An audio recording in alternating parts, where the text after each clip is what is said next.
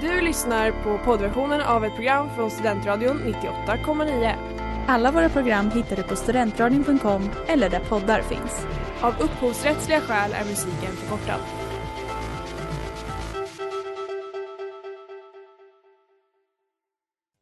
Nu tycker jag att vi gemensamt i denna sal sjunger We shall overcome. Det är klart att Malmö som tredje rikets största stad. Kära örebroare. I'm the mayor here in Solna.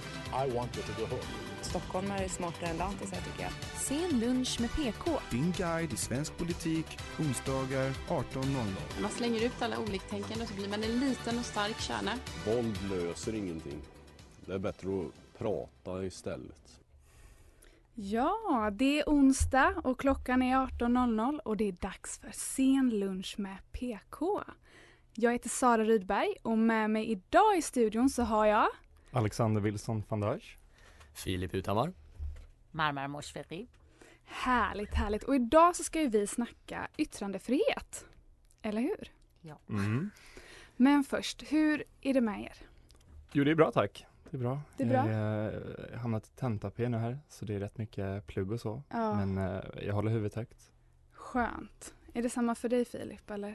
Ja, men jag är väl den här standardstudentgrejen. Eh, Självklart så borde man ju tentaplugga men jag tror inte jag har öppnat en bok senaste veckan. eh, men eh, jag tänker att det löser sig. Ja men det gör det nog. Hur går det för dig Marmar med statistiken? Ja, det är inte så bra. jag hela tiden ligger efter. Jag kommer ikapp och sen ligger efter igen. Ja, Men det, det löser sig. det löser sig. Nej men statistiken är tuff, Ja. får man ju säga. Det är mycket att repetera. Ja.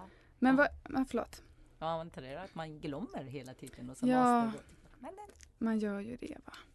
Men vad är det ni pluggar just nu i statsen? Eh, oj, det var en bra fråga. Eh, just nu är vi inne, eh, är vi inne på eh, EU, pratar vi mycket om. Mm. Pratar på hur, staten är uppbyggd och så. Ehm, vilket är rätt kul. Inte lika intressant som politisk teori tycker jag. Men det är ändå intressant att lära sig om svensk politisk historia. Jag håller med, det är lite så här, det är mycket empiri nu. Jag, Mm. jag, jag, jag vill mer sväva i de politiska teoriernas verkligen. värld. Jag känner att det, det, det lockas jag till. Ja, ja, gud ja. Ja, EU är alltid ett lite så hatämne. Ja, jag vet inte. Ja, det, nej, jag älskar det. Ja, men du är också liberal. Ja, men det var inte den. Alltså, jo, det kanske, men jag hade ingen aning om EU. Eh, för jag är inte, eller nu är jag just det, ja. Men förr var det inte. Så för mig var det, att, vad är den? och då har jag lärt mig i den här kursen, så jag var väldigt så här, intresserad. Jag läste det väldigt bra. Jag, kan, jag tror jag kan boken utan till. Oj, Det är starkt. herregud. Wow. Ja. Jag läste halva, sen la jag ner den så tog jag aldrig upp den igen.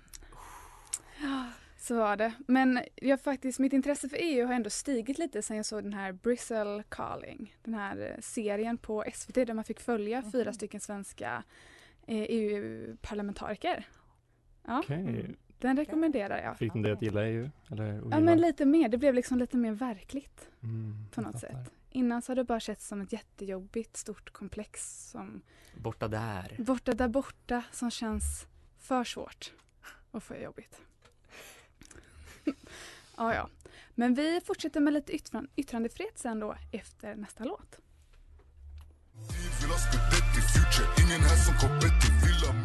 Och det där var Scudetti med Sidi. Och nu så lämnar jag ordet över till dig Alex. Ja, tack så mycket. 1971 så antog Sverige konventionen om avskaffandet av alla former av rasdiskriminering. Enligt konventionen så ska anslutna stater olagligförklara och förbjuda organisationer samt organiserad propaganda och all annan propaganda som främjar och uppmanar till rasdiskriminering samt förklara deltagandet i sådana organisationer eller i sådan verksamhet som brottslig gärning som är straffbar enligt lag. Men istället för att införa ett sådant förbud så ändrade Sverige bestämmelsen om hets mot folkgrupp. Och Sverige har därefter vid flera tillfällen mottagit påpekanden från den internationella kommittén mot rasdiskriminering om bristen på organisationsförbud i svensk rätt. I maj tidigare i år så tog regeringen emot ett betänkande om förbud mot rasistiska organisationer.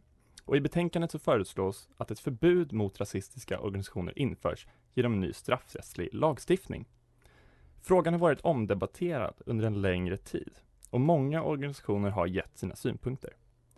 Det finns dock inte en majoritet i riksdagen bakom ett förslag mot förbud av rasistiska organisationer. Endast S, C och MP är för.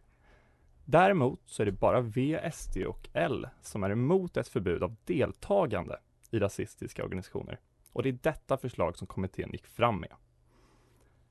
Många inflytelserika och stora organisationer har i debattartiklar och i sina remissvar på utredningen gett sina synpunkter. Överlag kan sägas att en majoritet är emot förslaget. I Svenska Dagbladet skriver till exempel 24 organisationer, däribland representanter för Amnesty, Antidiskrimineringsbyrån, RFSL, RFSU och Afrosvenskarnas riksorganisation, att det är fel väg att gå att förbjuda deltagande i, i rasistiska organisationer. De menar att förslaget i bästa fall skulle bli ineffektivt och i värsta fall faktiskt kunna leda till en viss ökad acceptans för att en del rasistiska uttryck och aktiviteter, ja, till en viss ökad acceptans för det. Samtidigt så ser de att det finns en stor outnyttjad potential i redan existerande lagstiftning för att beivra rasistisk brottslighet. Och även den tunga instansen Justitieombudsmannen dömer ut förslaget att införa ett förbud mot organiserad rasism. En tung invändning är att den föreslagna lagtexten är svår att förena med de grundlagsstadgade fri och rättigheterna. Däremot så anser det svenska FN-förbundet att det är dags att förbjuda deltagande och, eh, och rasistiska organisationer i sin helhet för att sätta stopp för dess utbredning och motarbetande av det demokratiska samhället.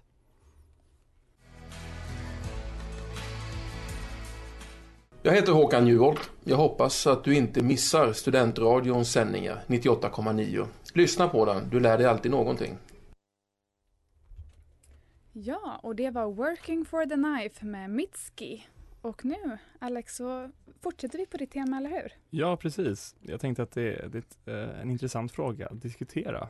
För även om min, min, det jag läste upp nu kanske var väldigt kritiskt så finns det även väldigt många som, som är för ett förbud. Eh, eller i alla fall för, för ett förbud mot deltagande, vilket är en majoritet av riksdagspartierna. Vad tycker ni? Mm. Alltså det är ganska intressant. Alltså jag tänker att jag är nog för ett förbud av liksom själva organisationen. Men kanske inte för ett deltagande. Alltså jag tänker typ om man får en liten parallell till typ så här prostitution. Att jag kanske inte tycker man ska förbjuda de som säljer sig själva men sen tycker jag inte prostitution i sig är bra och att man kanske ska motverka liksom det som, alltså typ bordeller och sådana saker liksom. Alltså själva alltså organisationen i sig, om ni är med på hur jag menar. Mm. Jag tycker det är svårt. Eh, det känns som att det lätt kan bli väldigt godtyckligt eh, om man försöker lägga förbud. Vad är rasism? Vilket eh, förbund är rasistiskt? Vilken organisation är rasistisk? Var drar man gränsen? Det känns som man öppnar upp väldigt mycket för att man, liksom en bedömning som kanske inte ska finnas i en lag. Risken är kanske att det blir en väldigt snäv definition som, som väldigt många inte hamnar under mm. och att det skapar liksom en legal definition av, av en accepterad rasism. Kan, man kan peka på att nej men vi är inte rasistiska, vi får existera. Eh, och det kanske öppnar för, för någonting som vi inte vill ha. Ja, för är det inte mm. olagligt så är det okej. Okay. Precis. Eh, kan ju tänkas vara en, en, en, en, en infallsvinkel som man får mm. eh, om, man, om man inför det här förbudet. Och jag tror att det, det kan vara skadligt i längden så jag, jag känner ju att eh, Ja, det är problematiskt. Vad skulle hända liksom om NMR, alltså Nordiska motståndsrörelsen, friades i det här? Och ja, men vi är inte rasistiska. Vad har det för konsekvenser? Mm, verkligen. Vad tycker du Marmar? Ja, det är väldigt eh, svårt faktiskt eh, för att eh, som ni pratade om det, det hur man ska definiera att det är rasistiskt. Det finns en definition om ras, ras alltså vad var problemet förut om ras och rasbiologi och det, det kan jag förstå men sen en del kanske är eh, börjar med eh, icke-rasistisk och sen mm, bygger på eh, um, senare på en mm, rasistisk uh, budskap. Mm. Då kan man inte göra så mycket eller det blir svårt för att man hittar alltid kryphål i lagarna. Mm. Eh, samtidigt att eh, jag tror inte förbud nå någonting som blir förbjudet är eh, bra. Alltså, det hjälper inte hela tiden. Nej. Jag tror att um, det kan, särskilt nu som vi är i ett eh, informationssamhälle eller en väldigt öppet samhälle och det finns många um, medieplattformar som, så man kan de, kan gå under jord och, och, men fortfarande existerar. Så man kan inte eh, man kan inte stoppa dem. Så men jag håller med med dig att Mm. organisationen kan eh, inte, alltså man ska inte ge dem tillstånd men man kan inte bestraffa de som är Mm. deltagare. Mm. Jag tänker det gör det också lite svårt om man typ skulle vilja lämna en eh, rasistisk organisation eller jag vet inte, det kanske inte, man kanske inte kan se det som ett beroende på samma sätt. Men det blir kanske svårt om man är i ett sammanhang som är väldigt rasistiskt och vill typ Nej det är en dålig liknelse där men eh, då, då Ja. är det ju svårt om det är förbjudet liksom. men det är Ja. ju inte bero- ett beroende på samma sätt. Det skulle vara intressant att veta vad, jag menar vilken definition som skulle fastställas, alltså vilka krav man skulle, man skulle applicera. Jag menar, det finns ju, jag, menar, jag skulle anse att Sverigedemokraterna då skulle, skulle förbjudas, alltså det skulle Mm. inte, man kan, inte förbjuda ett riksdagsparti på det sättet. Ehm, och då skapar man kanske en legal grund för, för hur de uttrycker sig. Eh, och det håller ju, vissa håller inte alls med med det. Nej, det är en knivig fråga men vi får fortsätta diskussionen om yttrandefrihet efter nästa låt.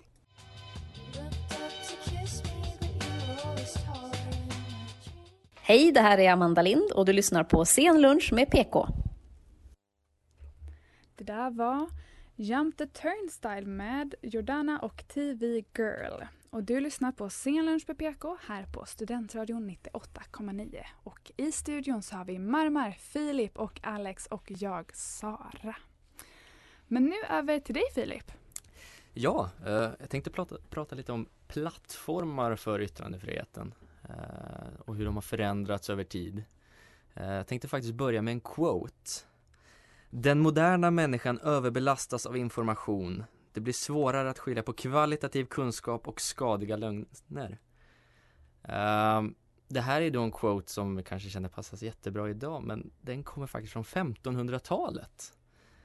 Eh, Konrad Gessner sa det här för att han tyckte att det var lite problematiskt med, med alla böcker. Hur man skulle skilja på, på all, all fakta som dök upp. Ja, stackarn, Ehm. han hade inte haft det lätt idag. Nej, han, han hade tyckt det var väldigt jobbigt.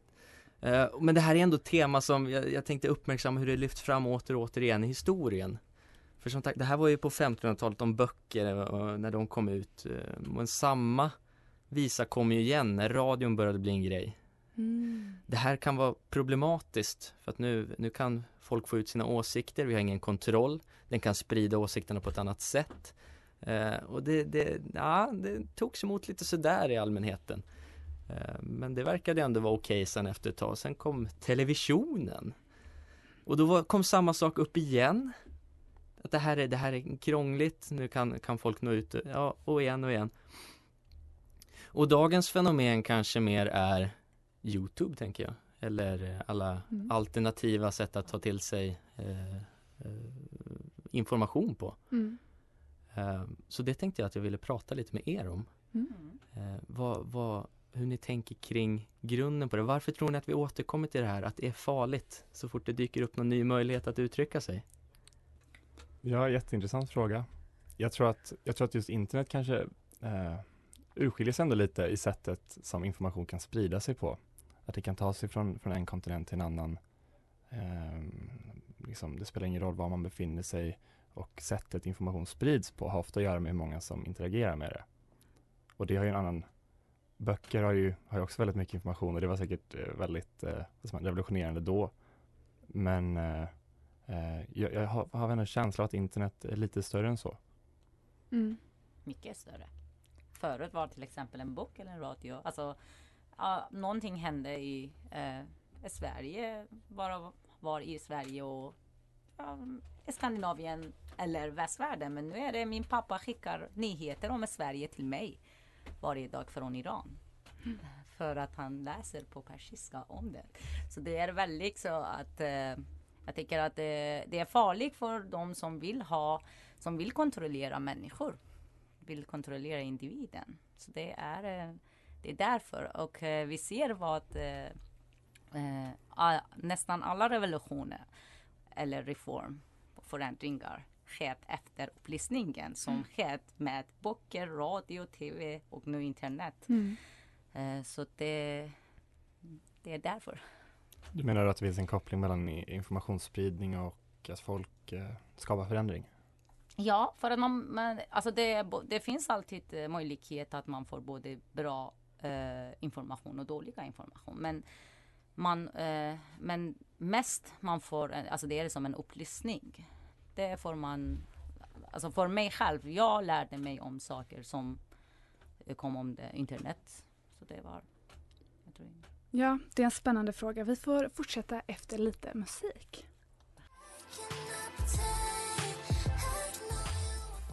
Gang Signs med Ilham. Nu ska vi se. Eh, Filip. Ja men jag tänker det här blev otroligt intressant diskussion på, på en gång så att vi fortsätter. Eh, vi pratade om internet mm. eh, och den möjlighet eh, som det ger för yttrandefriheten eh, och de problem det också ställer med yttrandefrihet. Och det är lite sant, men hur, hur ska man då hantera de här problemen? när, när är det okej okay att börja på och, och, och pilla på det här får du inte säga eller det här när ska man begränsa möjligheten att säga saker? Det, det, det blir ju helt plötsligt en sån explosivt stor fråga. Vi, vi som du sa Marmor, vi är inte, det är inte samma sak som det här med böckerna. Mm. För den, den är ju mycket mer nischad. Ja. Eh, kopplad till en region kanske eller bara de rika hade råd med böcker. Men det här internet är ju för alla. Mm. Jag tror man måste fråga sig själv liksom, hur, på vilket sätt existerar yttrandefriheten på internet? Liksom, är det samma sak som att kunna stå och prata på torg och bli stoppad av polisen för att de inte gillar ens budskap? Eller bli censurerad eller säger man, blockerad på Facebook? Är de, är de jämförbara tycker ni? I princip, som princip så kan man väl jämföra dem men i, liksom, i praktik Nej. Nej, alltså eh, det är eh, yttrandefrihet eh, när det gäller polis. Då gäller, alltså om polisen kommer och stoppar eller censurerar. Det är, censur är någonting som staten gör. Men eh, internet och de plattformar som vi använder är mest privata. Mm. Eh, och eh, det är därför de kan begränsa vår frihet att yttra oss. Men mm. annan problem är med algoritmen som finns och då blir det ja. att man bara Eh, en del har, eh, ja man bara klickar på en sak och den kommer mer och mer så man, det är inte eh, Jag tror att plattformen som vi använder för eh, nyheter och information är inte optimalt för den upplysning, positiv upplysning som man vill eh, eller önskar för eh, frihet. Men gränsen, alltså vi kan inte begränsa heller. För Nej. att det är jättestor och sen Fast diktaturen kan göra och mm. de gör. Mm. Jag, tycker, jag tycker det är fel att, att man lägger liksom den, för det blir ändå nästan en form av in, lagstiftning på internet, att man lägger ändå det i händerna på privata företag. Det borde mm. ändå finnas någon enhetlig, eftersom internet har en så pass stor roll i att yttra sig. För det är så många kommunicerar och det är så många når, når sina åhörare. Mm. Att det mm, borde finnas något bättre sätt. Ja, på något sätt så blir det ju lite skevt. Men visst hade typ, gjorde typ Twitter att de kunde typ markera på Trumps uttalande huruvida det var typ mm, fake mm, news precis. eller inte. Ja, och sen när han bröt det för många år så tog de bort honom. Ja. Fast, fast nu, nu är vi tillbaka igen tycker jag på det här med, med godtyckligheten, mm, det här med organisationerna. Mm. För att de, Var drar vi gränsen? Exakt, för att mm. Twitter har gjort det mot Trump Mm. Och det kanske många av oss tyckte om det. Mm. Men de gör inte samma sak med diktaturen. Till Nej. exempel ehm, eh, islamist, islamister i Iran. Mm. De kan skriva vad de vill. Mm. det är godtyckligt som du säger. Just i det fallet kan det nog ha handlat om hans liksom räckvidd och så. Men jag, principiellt så ska det ju vara samma. Mm. Och då är frågan, har vi inte öppnat Pandoras box? Alltså internet är ju, det kommer det bra med det dåliga om man börjar på och, och försöka lagstifta och, och, stänga dörrar så kan det inte slå tillbaka. Mm. Jag tror man måste utreda det där på, på, en, på en större skala. För det blir godtyckligt idag. När, när det blir liksom men, det blir styrelsen Twitter som bestämmer vad man får säga inte. Det borde, borde finnas en bättre lösning på det. Ja, det är svårt. Vi återkommer efter lite musik.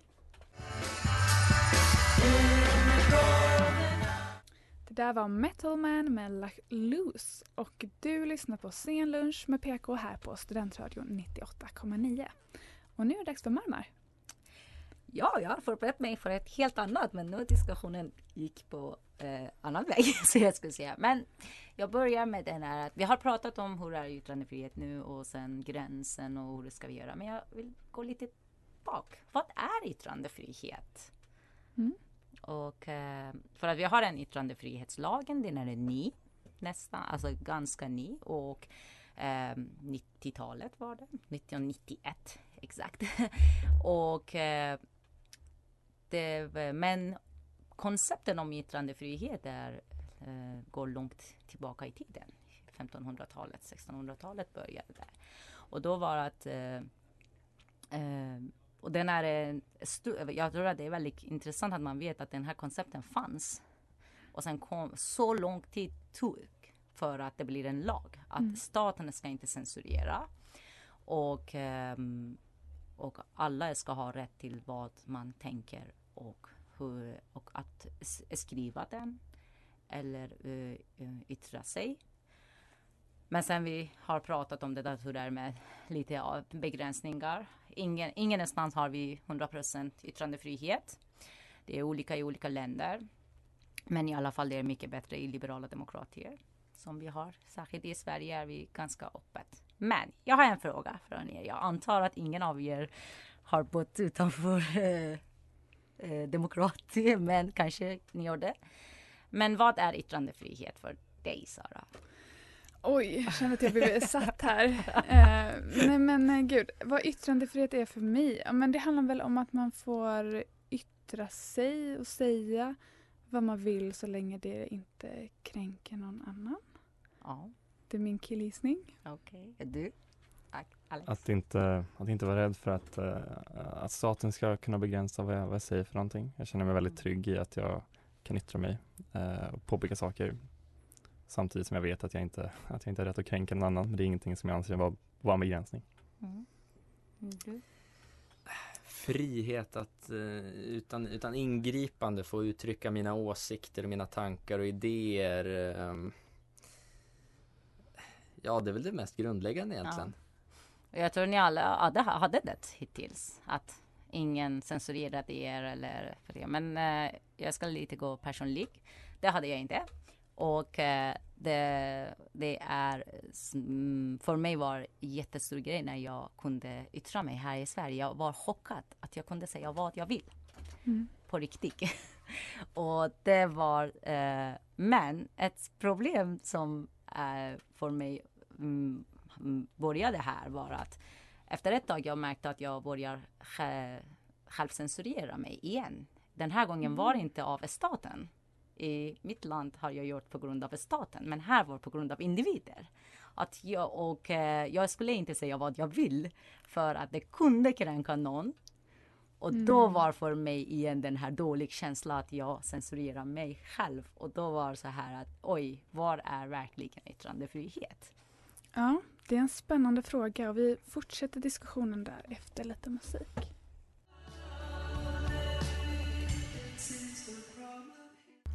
Cold Teeth med Enenit. Och du lyssnar på Scenlunch med PK här på Studentradion 98,9. Marmar. Ja, ska jag fortsätta?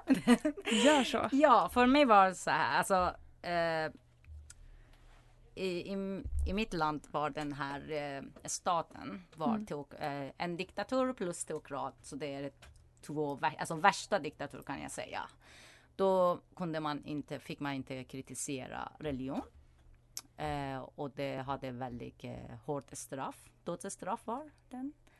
Så, och sen här i Sverige fick jag inte ens i individnivå kritisera en religion som jag själv eh, utövade den i 28 år. Mm. Och där var en igen känsla att ja, nu begränsar begränsas min yttrandefrihet. Mm. Inte av staten. Men av eh, ja, den här känslan att man får inte kränka andra. Mm. Samtidigt att man blev kränkt en gång av staten av samma anledning. Och nu är det för att man vill inte kränka någon annan. Så ja, det är därför för mig en jättestor fråga om den här. Alltså yttrandefrihet för mig är en gammal arv av upplysning. Upplysningstiden jag vill gärna eh, ha den hela tiden och eh, särskilt för uh, individens rätt.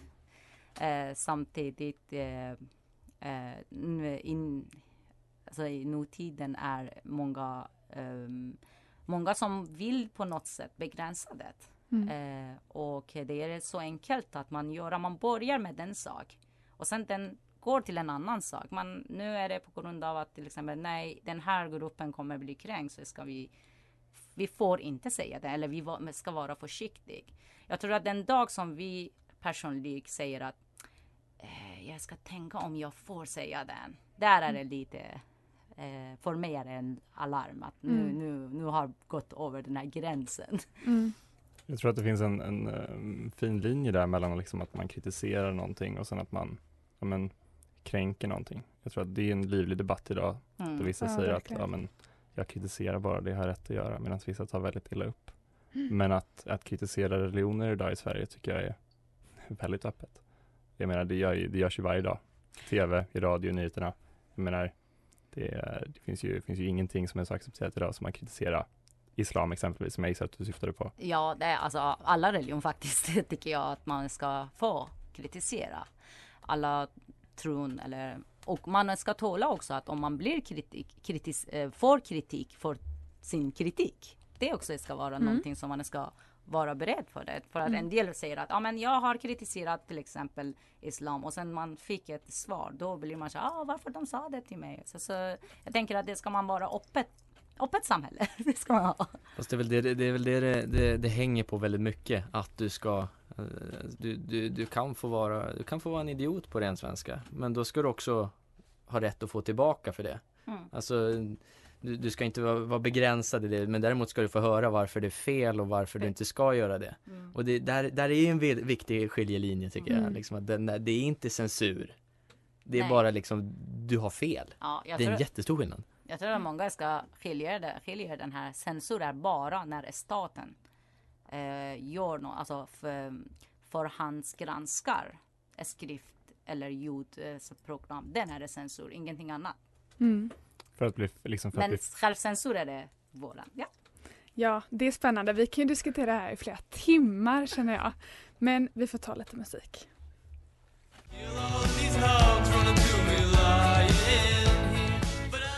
The Matador med Advertisement. Sådär ja, då är vi snart igenom dagens sändning. Hur känns det nu Alex som har debuterat här? Jo men det känns, eh, det känns riktigt bra. Det var riktigt kul att, att vara med och diskutera.